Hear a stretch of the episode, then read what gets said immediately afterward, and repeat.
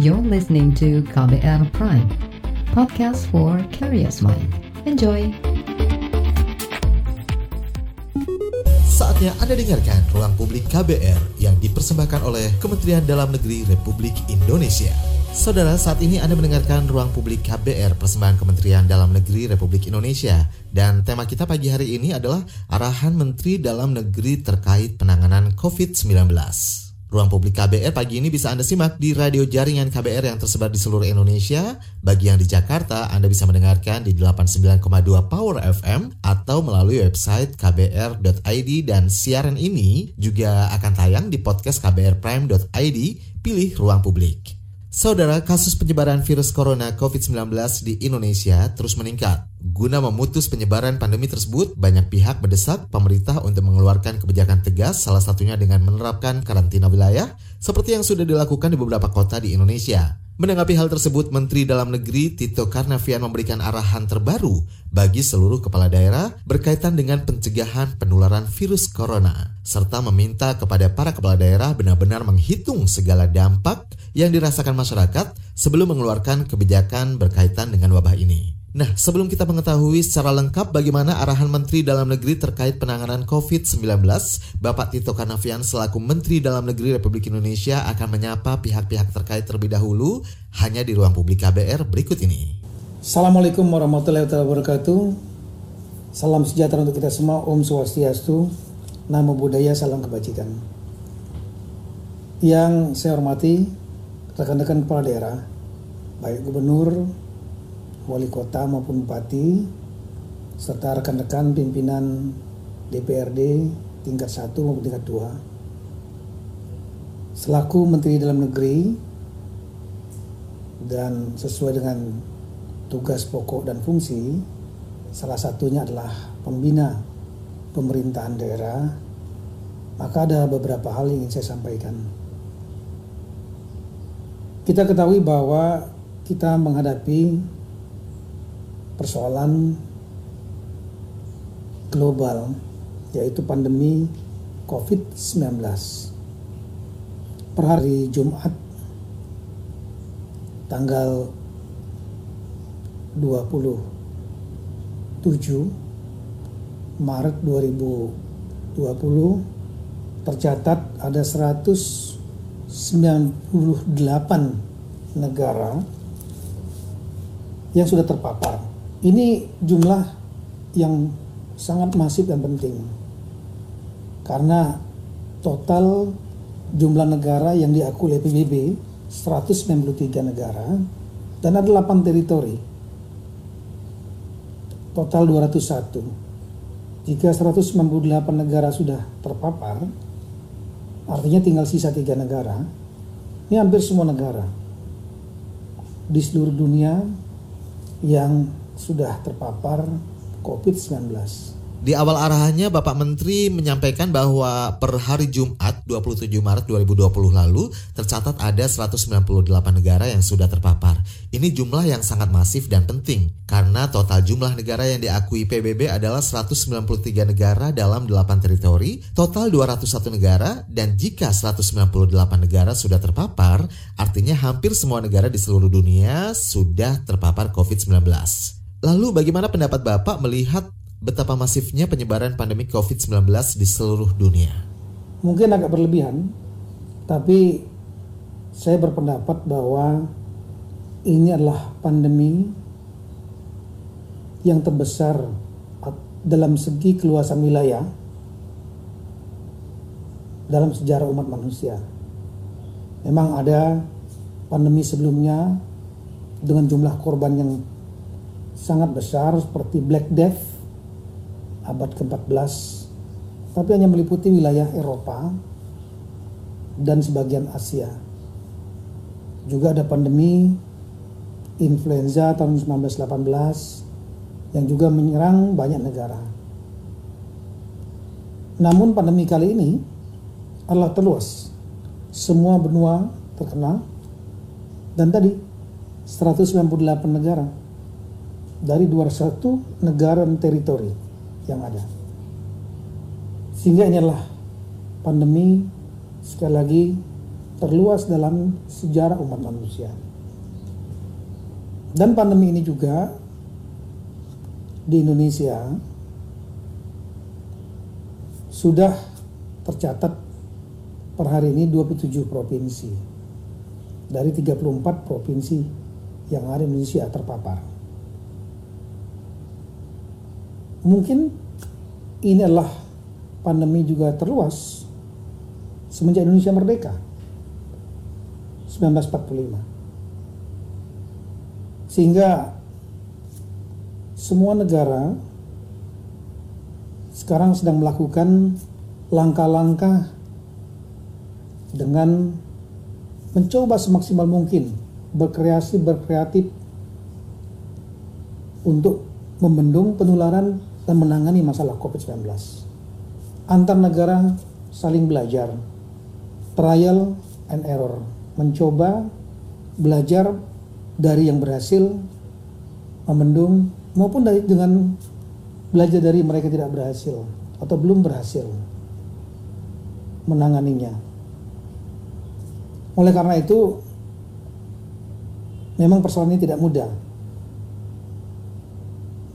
Namun dengan tidak berlebihan dan tidak ingin tidak ingin membuat masyarakat menjadi uh, was-was.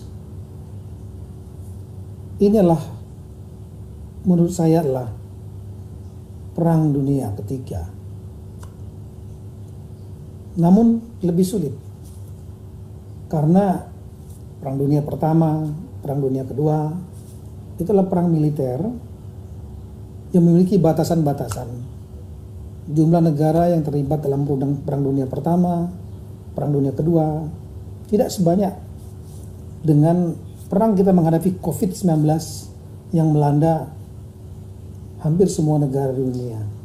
Jika perang militer kita jelas lawannya bersenjata, kombatan, dan juga mereka mentarget sesuai dengan prinsip-prinsip perang internasional. Mereka memilih target terutama adalah kombatan. Sedangkan non kombatan masyarakat sipil tidak boleh untuk diserang. Dalam kasus COVID ini, perang kita melawan COVID ini, kita melawan musuh yang tidak terlihat. Mikroorganisme yang bernama virus COVID-19. Kemudian mereka juga menyerang tanpa membedakan kombatan atau non-kombatan. Mereka tidak melihat ini adalah dari suku mana, agama apa, ras apa, orang kaya, orang yang tidak mampu, ataukah pejabat negara, melihat pangkat jabatan tidak. Karena virus ini menyerang semuanya, semua manusia. Oleh karena itu, karena ini tanda petik adalah situasi perang menghadapi virus ini dan dampaknya, kita perlu melakukan mobilisasi nasional mobilisasi pusat dan daerah, mobilisasi pemerintah dan unsur-unsur non pemerintah termasuk masyarakat di semua lini. Ibarat perang, maka Sun Tzu mengatakan, Know your enemy, know yourself, and you will win in 1000 battles. Kenali musuhmu, kenali dirimu sendiri, dengan segala kemampuannya. Dan baru kita bisa memenangkan seribu peperangan. Mohon bisa dijelaskan Pak bagaimana virus corona bekerja dan penyebarannya seperti apa sehingga menjadi pandemik secara global dan sifat serta karakter dari virus ini seperti apa sih? Selain kekuatan daya penularannya yang sangat dahsyat, adakah kelemahan dari virus ini? COVID-19 memiliki kekuatan. Kekuatannya adalah kecepatan penularannya. Kita tahu dalam buku-buku atau dokumen yang dikeluarkan dari penelitian terhadap COVID-19 ini termasuk di antaranya adalah beberapa dokumen dari tim kesehatan nasional pemerintahan Tiongkok. Ada tiga jenis cara penularannya. Mulai dari droplet atau percikan ketika bersin atau batuk yang kemudian menulari atau uh, hinggap di bagian tubuh dari orang lain dari yang positif ke yang negatif sehingga akhirnya terhisap masuk ke dalam tubuh dari yang negatif dan akhirnya menjadi positif. Kemudian yang kedua adalah melalui kontak fisik. Baik kontak fisik langsung, salaman, pelukan, dan cara-cara kontak fisik langsung lainnya. Di samping itu yang lebih sulit adalah melalui kontak dengan objek. Karena virus ini memiliki kemampuan survive, kemampuan hidup di objek-objek tertentu. Ini akan sulit bagi kita. Kenapa? Karena yang positif memegang barang, dia memegang handphone, kemudian handphonenya dipegang oleh yang lainnya, dia menyentuh permukaan meja, kaca seperti ini, kemudian disentuh oleh orang lain yang negatif, ini akan bisa tertular dengan mudah. Bahkan melalui piring, sendok yang dipegang oleh orang yang positif, kemudian dipegang oleh orang yang negatif, yang negatif bisa tertular. Yang ketiga, menurut beberapa penelitian juga yang disebut dengan transmisi aerosol.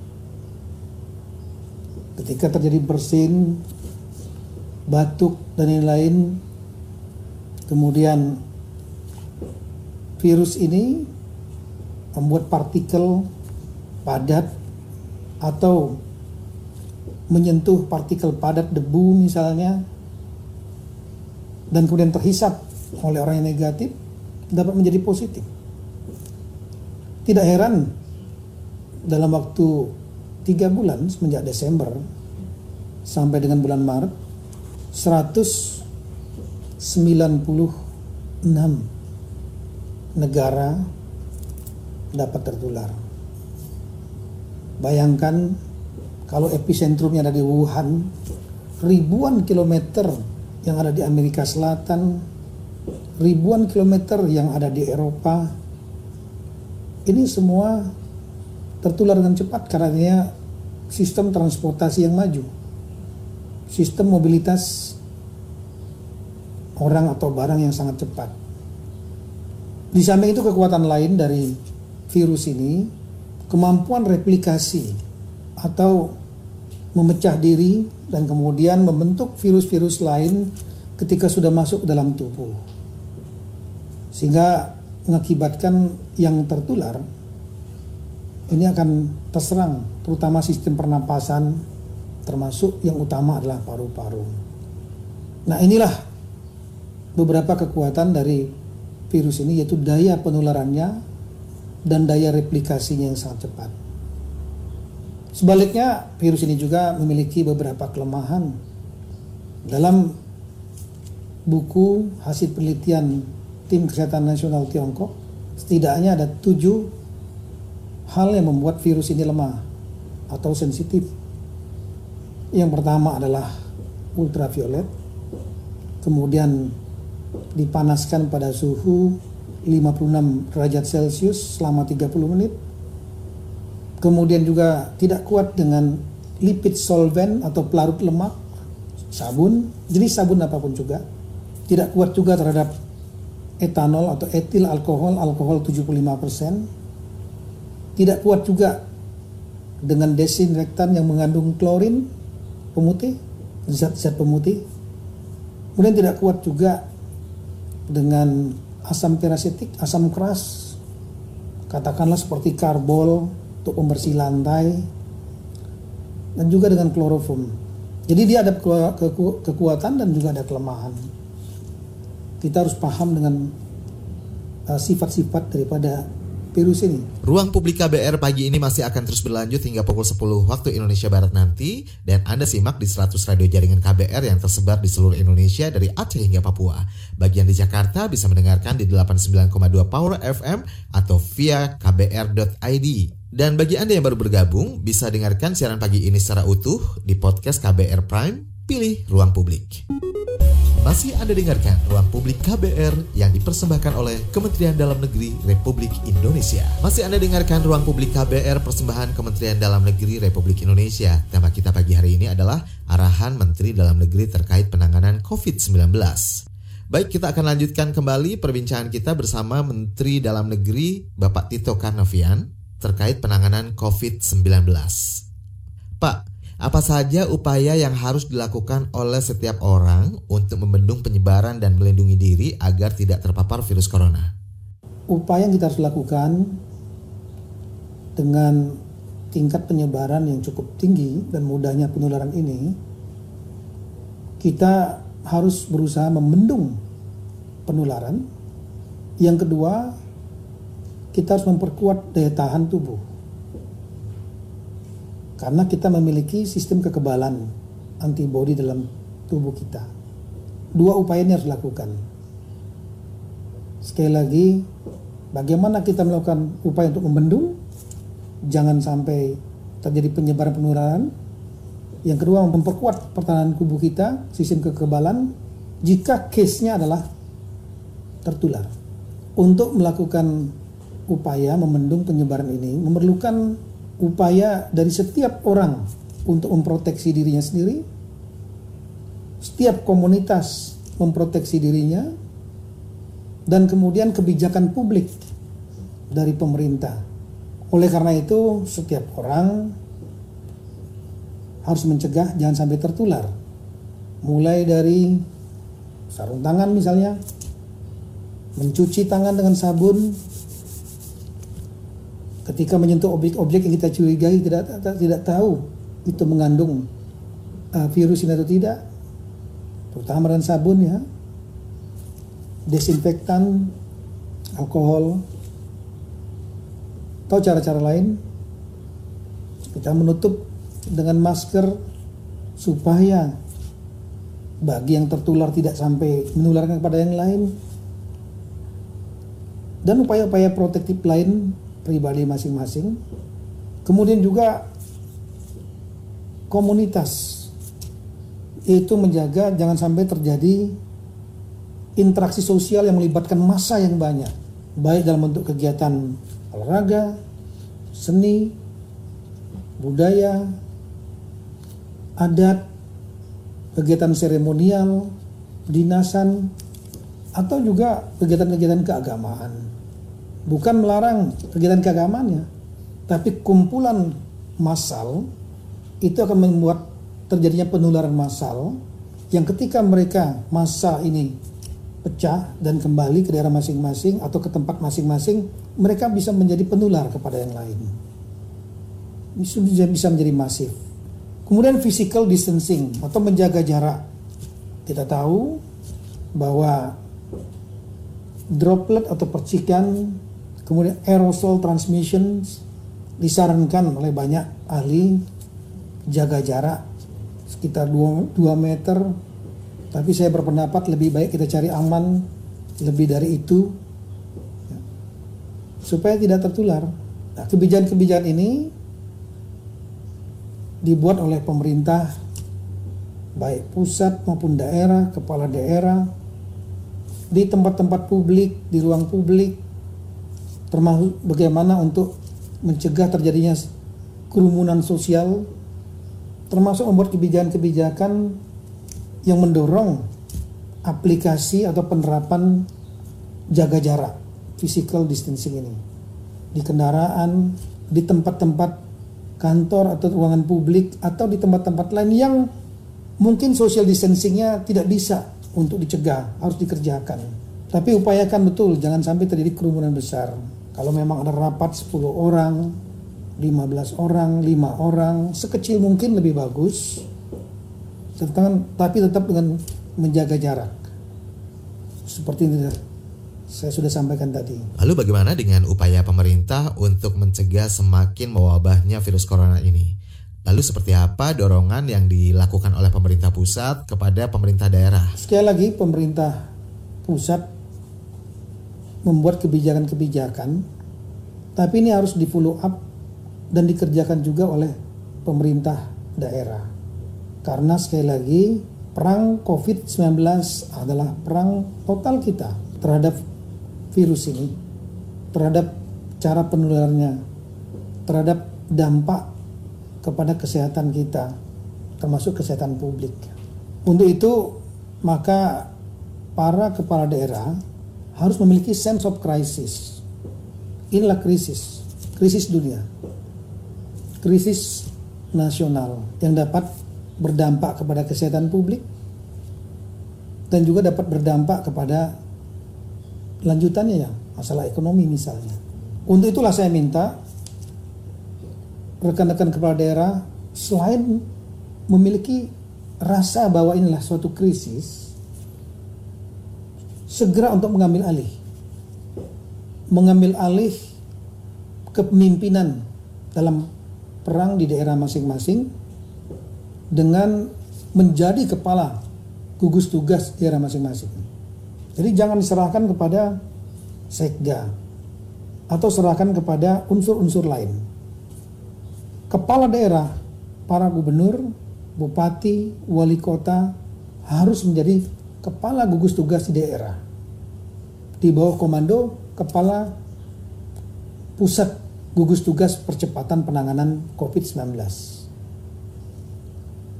Kenapa? Karena kepala daerah memiliki full power, memiliki sumber daya, resources, memiliki kewenangan yang lebih dibanding unsur-unsur lain di daerah.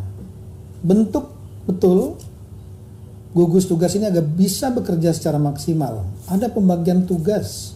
Siapa yang melakukan sosialisasi, edukasi, siapa yang melaksanakan tracing, tracking, siapa yang melakukan mitigasi, pemeriksaan kepada mereka yang ODP mungkin, penanganan terhadap pasien PDP, mempersiapkan sarana prasarana yang diperlukan.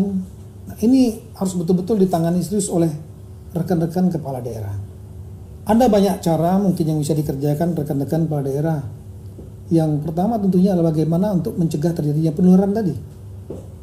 Kebijakan-kebijakan untuk proteksi warga masing-masing dengan cara sosialisasi agar masyarakat betul-betul paham mengenai cara penularan dan bahaya ketika sudah masuk dalam tubuh mereplikasi itu berdampak yang cukup serius kepada warga kita.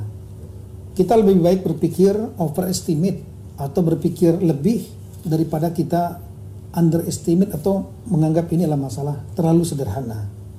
Ketika kita berpikir overestimate, maka kita siapkan termasuk dengan worst scenario. Ketika terjadi worst scenario, kita tidak terdadak. Kita bisa mengantisipasi dengan baik. Tapi kalau kita berpikir underestimate, maka persiapan kita, sosialisasi, pencegahan, dan kemudian kebijakan yang kita buat untuk social and physical distancing termasuk juga penyiapan sarana prasarana untuk uh, perawatan ini menjadi minimal. Ketika terjadi keadaan di luar prediksi, maka tidak siap. Nah, untuk itu rekan-rekan perlu melakukan langkah-langkah sistematis untuk memberikan edukasi, sosialisasi kepada masyarakat sampai dengan ke tingkat yang paling bawah. Mulai dari tingkat provinsi, kabupaten, kota, kecamatan, kelurahan, desa, RW, RT, keluarga, sampai ke perorangan. Mereka harus memahami betul tentang cara penularan dan resiko ketika itu tertular. Sehingga masyarakat kita tanpa bermaksud untuk membuat masyarakat panik, mereka mengerti dan memahami. Sehingga bisa melakukan upaya untuk membendung penyebaran ini. Kemudian rekan-rekan kepala daerah juga perlu untuk melakukan persiapan-persiapan dalam rangka mencegah uh, masyarakat tidak tertular di ruang publik, di tempat-tempat umum, desinfektan dan lain-lain.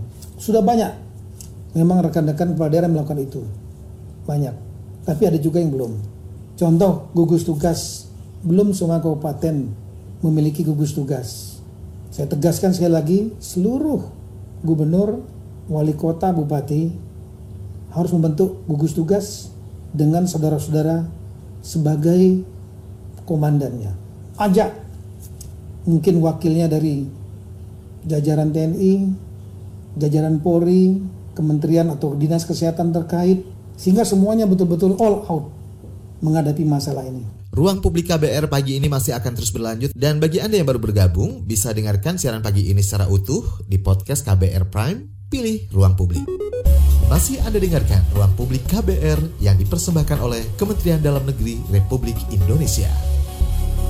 Masih Anda dengarkan Ruang Publik KBR Persembahan Kementerian Dalam Negeri Republik Indonesia. Tema kita pagi hari ini adalah arahan Menteri Dalam Negeri terkait penanganan COVID-19 dan saya juga masih bersama dengan Menteri Dalam Negeri Bapak Tito Karnavian. Baik, kita lanjutkan kembali perbincangan kita bersama dengan Bapak Tito Karnavian, Menteri Dalam Negeri Republik Indonesia. Pak, semakin meningkatnya jumlah pasien COVID-19 tentu akan menambah beban terhadap kebutuhan masyarakat, akan fasilitas kesehatan, kemudian alat perlindungan masyarakat, kebutuhan APD para medis, dan kebutuhan penting lainnya. Nah, bagaimana pemerintah mempersiapkan semuanya? Inventarisasi betul kebutuhan-kebutuhan yang ada untuk perawatan terutama, meningkatkan kapasitas sistem kesehatan daerah masing-masing. Berapa rumah sakit yang tersedia, berapa bed yang tersedia khusus untuk menghadapi mereka yang melapor atau uh, yang dianggap ODP orang dalam pemantauan ya. Pasien yang sudah positif PDP dan lain-lain. Hitung betul kesiapan sana prasarana yang ada termasuk peralatannya.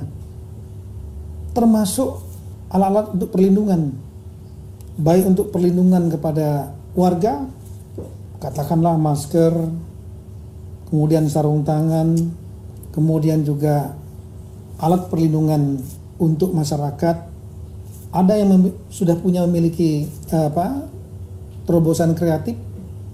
Ide-ide kreatif ini sangat diperlukan untuk melindungi warga. Kemudian juga penyiraman, penyemprotan, desinfektan, terutama di tempat-tempat lembab dan basah, ini menjadi prioritas. Silakan ide-ide kreatif tersebut dari semua kepala daerah dimunculkan.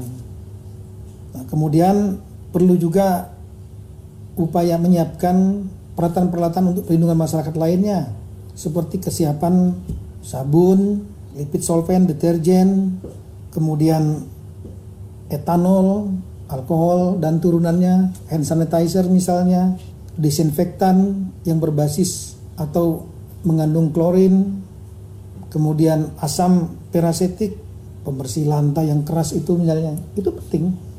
Disiapkan rekan-rekan kepala daerah. Diinventarisir kebutuhannya berapa. Kemudian juga alat-alat untuk perlindungan terhadap tenaga medis kita termasuk petugas lain. Kenapa? Karena saat dalam perang menghadapi COVID-19 ini tenaga medis adalah pasukan pada garis depan kita. Tenaga-tenaga medis ini harus dilindungi mereka harus dilindungi dengan APD, alat pelindung diri, sarung tangan, karet yang tipis maupun yang tebal, masker, Google, helm khusus. Tidak cukup dengan sekedar masker biasa, kemudian sepatu boot untuk mereka. Ini harus diinventarisir. Samping itu juga perlu penyiapan, saya ulangi tadi, sarana prasarana untuk perawatan. Mulai dari kesiapan bed, tempat tidur untuk penderita COVID baik yang positif maupun yang dipantau gitu ya. Kemudian ventilator, alat untuk mendeteksi suhu tubuh, thermal gun dan lain-lain. Ini harus disiapkan di pelabuhan thermal scanner. Ini perlu disiapkan dan diinventarisir oleh rekan-rekan kepala daerah. Sejauh ini bagaimana sih koordinasi dengan pemerintah daerah dan teknisnya bisa dijelaskan seperti apa dalam mempersiapkan kebutuhan ini? Teknisnya saya sudah meminta kepada Bapak Menkes untuk memberikan arahan kepada kepala dinas di provinsi dan provinsi tolong diarahkan juga kepala dinas kabupaten kota apa saja item-item yang dibutuhkan untuk perawatan uh, penderita COVID. Bahkan kita juga perlu mempersiapkan peralatan-peralatan bagi warga kita yang wafat. Karena ada perlakuan khusus terhadap warga kita yang wafat, tubuhnya mengandung virus, sehingga tidak boleh disentuh oleh yang lain. Kantong mayat, plastik, peti, uh, mati baik dalam kayu maupun yang produk yang dari non kayu tapi aman. Ada spesifikasi khusus untuk itu. Termasuk tempat untuk dikuburkan dimakamkan. Ini juga harus spesifik karena kalau salah penanganannya meskipun sudah di dalam uh, tanah mungkin virusnya masih bisa menular. Nah ini harus disiapkan betul. Tentunya kita berharap tidak ada korban lagi. Ya, insya Allah tapi anything can happen. Lalu bagaimana dengan anggarannya Pak? Untuk mempersiapkan semua itu, maka Bapak Presiden sudah mengeluarkan Impres nomor 4 tahun 2020. Kemudian juga Ibu Menteri Keuangan sudah mengeluarkan peraturan Menteri Keuangan nomor 6 tahun 2020 dan saya selaku Mendagri sudah mengeluarkan peraturan Mendagri nomor 20 tahun 2020 yang memberikan peluang dan kewenangan kepada rekan-rekan kepala daerah untuk melakukan realokasi dan refokus APBD yang ada diarahkan untuk penanganan COVID-19 ini. Oleh karena itu inventarisasi menjadi sangat penting. Rekan-rekan juga silakan untuk berinisiatif, berkreatif sepanjang tidak melanggar aturan hukum, membuat terobosan-terobosan dalam rangka menangani dan mencegah penularan di daerah masing-masing termasuk memperkuat daya tahan tubuh warga masyarakat di daerah masing-masing. Kita tahu bahwa ada hal yang bisa dikerjakan oleh pemerintah daerah, ada juga yang dikerjakan oleh pemerintah pusat.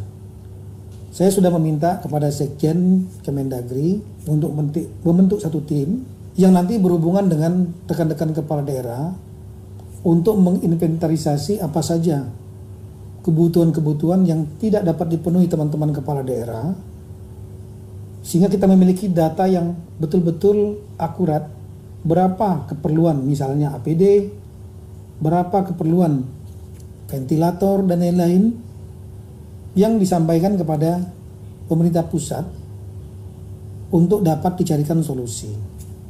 Tapi terobosan kreatif eh, dari rekan-rekan juga untuk pengadaan alat-alat tersebut sepanjang bisa dikerjakan tidak melanggar undang-undang tentu dipersilakan. Ruang publik KBR pagi ini masih akan terus berlanjut dan bagi Anda yang baru bergabung bisa dengarkan siaran pagi ini secara utuh di podcast KBR Prime, pilih Ruang Publik.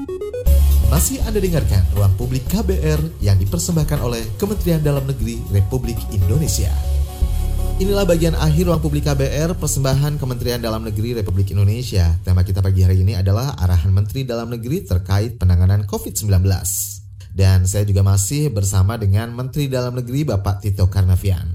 Siaran ini bisa Anda dengarkan melalui 100 radio jaringan KBR yang tersebar di seluruh Indonesia dari Aceh hingga Papua. Bagian di Jakarta bisa mendengarkan di 89,2 Power FM atau melalui website kbr.id. Baik, kita lanjutkan kembali perbincangan kita bersama dengan Bapak Tito Karnavian, Menteri Dalam Negeri Republik Indonesia. Beberapa daerah telah melakukan pembatasan atau karantina wilayah. Nah, bagaimana tanggapan Bapak mengenai soal ini? Mengenai masalah langkah-langkah untuk pembatasan. Kita bahwa kadang-kadang ada keluar istilah lockdown. Istilah lockdown itu konotasinya adalah isolasi total istilahnya istilah umum sebetulnya populer digunakan untuk mereference isolasi total suatu wilayah. Kita kembali kepada aturan undang-undang. Undang-undang kita mengenal istilah karantina. Undang-undang nomor 6 tahun 2018 tentang kekarantinaan kesehatan.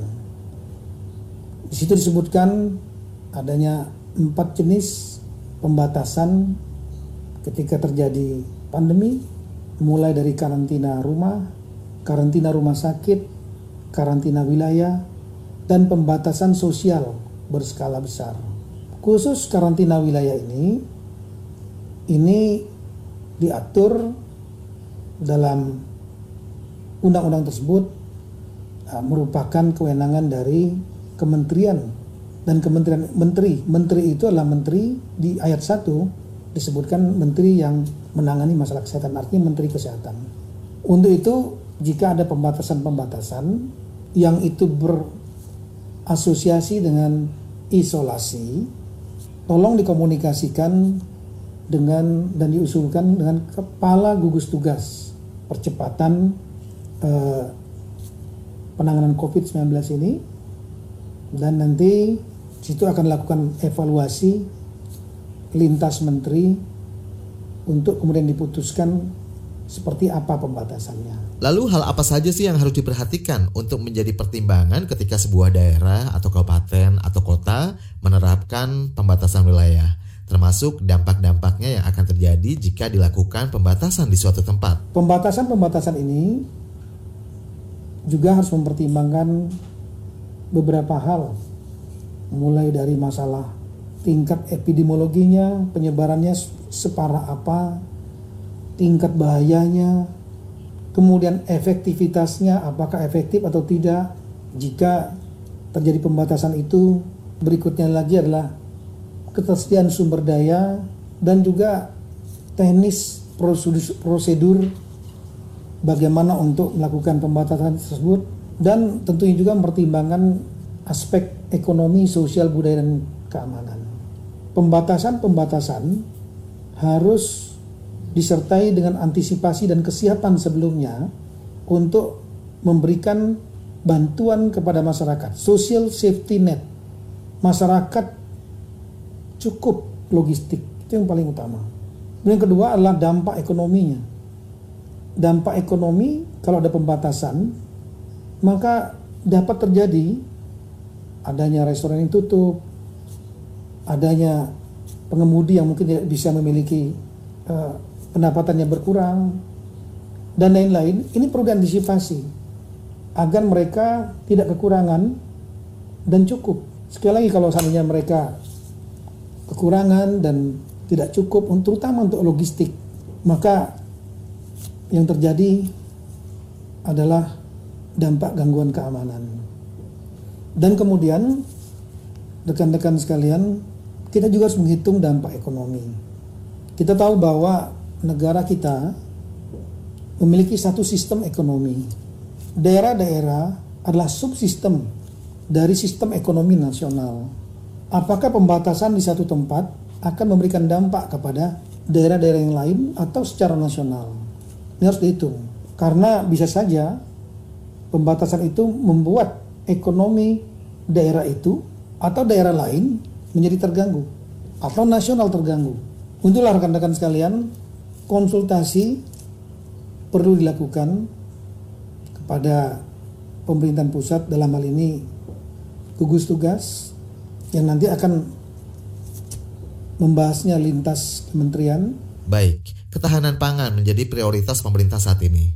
Nah, bagaimana penjelasan Bapak soal ini? Perlunya persiapan terutama logistik, social safety net. Oleh karena itulah maka APBD yang di realokasikan, direfokuskan terutama pada satu peningkatan kapasitas kesehatan termasuk perlindungan kesehatan warga. Yang kedua adalah memberikan bantuan sosial atau social safety net, jaring pengaman sosial terutama bagi masyarakat-masyarakat yang kurang mampu. Dan yang ketiga, kita harus mendorong dunia usaha tetap hidup, baik usaha besar dengan kebijakan-kebijakan maupun usaha menengah UMKM dan juga usaha-usaha mikro, usaha kecil. Kita berusaha untuk menghidupkan mereka. Memang tidak mudah. Ada semacam zero sum game antara kesehatan publik, public health, dengan kehidupan roda, roda ekonomi. Mengutamakan kesehatan publik dapat mengorbankan ekonomi, dan ketika ekonomi jatuh itu akan berdampak kepada upaya untuk menjaga dan menyelamatkan kesehatan publik. Sebaliknya mengutamakan roda ekonomi juga dapat mengorbankan kesehatan publik. Oleh karena itu, rekan-rekan sekalian, kita harus menjaga dua-duanya. Menjaga kesehatan publik menjadi prioritas, tapi ekonomi juga tidak terpuruk atau tidak jatuh terlalu jauh. Nah, ini salah satu di antaranya adalah kita berinisiatif untuk mengambil peluang dari situasi katakanlah dalam tanda petik perang terhadap COVID-19 ini. Indonesia memiliki sumber daya yang banyak. Kita dapat berinisiatif di daerah masing-masing mungkin kalau tidak ada vitamin C atau vitamin-vitamin lain dalam bentuk tablet, kita memiliki buah-buahan yang mengandung vitamin C yang banyak. Kita tidak memiliki vitamin dalam bentuk tablet. Kita tahu bahwa sinar matahari pagi terutama untuk uh, meningkatkan vitamin D. Hal lain saya kira misalnya logistik rekan-rekan sekalian kalau memang kesulitan logistik masyarakat kita banyak yang bisa kita dorong untuk menanam makanan tanaman pangan yang dapat dimanfaatkan oleh masyarakat. Katakanlah tanaman-tanaman ubi, sayuran, dan lain-lain. Sehingga ketika worst scenario kita eh, menghadapi kesulitan masalah pangan, masyarakat kita sudah siap. Dengan upaya mereka masing-masing didorong oleh pemerintah negara kita lah negara tropis, negara yang subur. Apa saja ditanam bisa tumbuh, kira-kira begitu. Nah, jadi ini dapat dimanfaatkan oleh masyarakat untuk memperkuat ketahanan pangan masyarakat. Ada kepesan atau himbauan yang ingin Bapak sampaikan kepada masyarakat dan apa harapannya? Sekali lagi, ini waktunya bagi kita untuk bersatu. Bagi bangsa ini untuk bersatu tanpa membedakan suku, agama, ras, pusat, daerah, dan semua elemen masyarakat bersatu padu untuk menghadapi perang COVID-19 ini. Hanya dengan kita bersatu, tidak usah saling menyalahkan, dan semua berkontribusi, maka kita insya Allah dapat melalui cobaan terhadap bangsa kita ini. Dan kerjasama internasional menjadi sangat penting Bahkan negara di dunia pun tidak bisa bekerja dengan sendiri. Katakanlah satu negara mampu untuk meredam penyebaran. Dia melakukan lockdown dan lain-lain. Tapi negara lain terjadi penyebaran. Ketika pada waktunya dia membuka negaranya, tapi negara lain yang dari tempat yang terjadi penyebaran masuk ke negara itu, maka negara itu juga tidak akan lepas dari penyebaran berikutnya. Kita tahu bagaimana efek pingpong bisa terjadi. Oleh karena itu kita perlu memberikan sekali lagi kerjasama nasional dan juga kerjasama internasional. Saya kira itu yang ingin saya sampaikan pada kesempatan ini rekan-rekan sekalian. Selamat bertugas. Semoga Tuhan Yang Maha Kuasa memberi kekuatan kepada kita semua bagi bangsa ini bersama dan bersatu kita bisa mengalahkan COVID-19 insya Allah.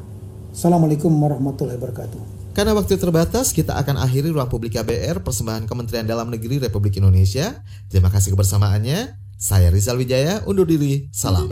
Baru saja Anda dengarkan ruang publik KBR yang dipersembahkan oleh Kementerian Dalam Negeri Republik Indonesia. KBR Prime, cara asik mendengar berita. KBR Prime, podcast for curious mind.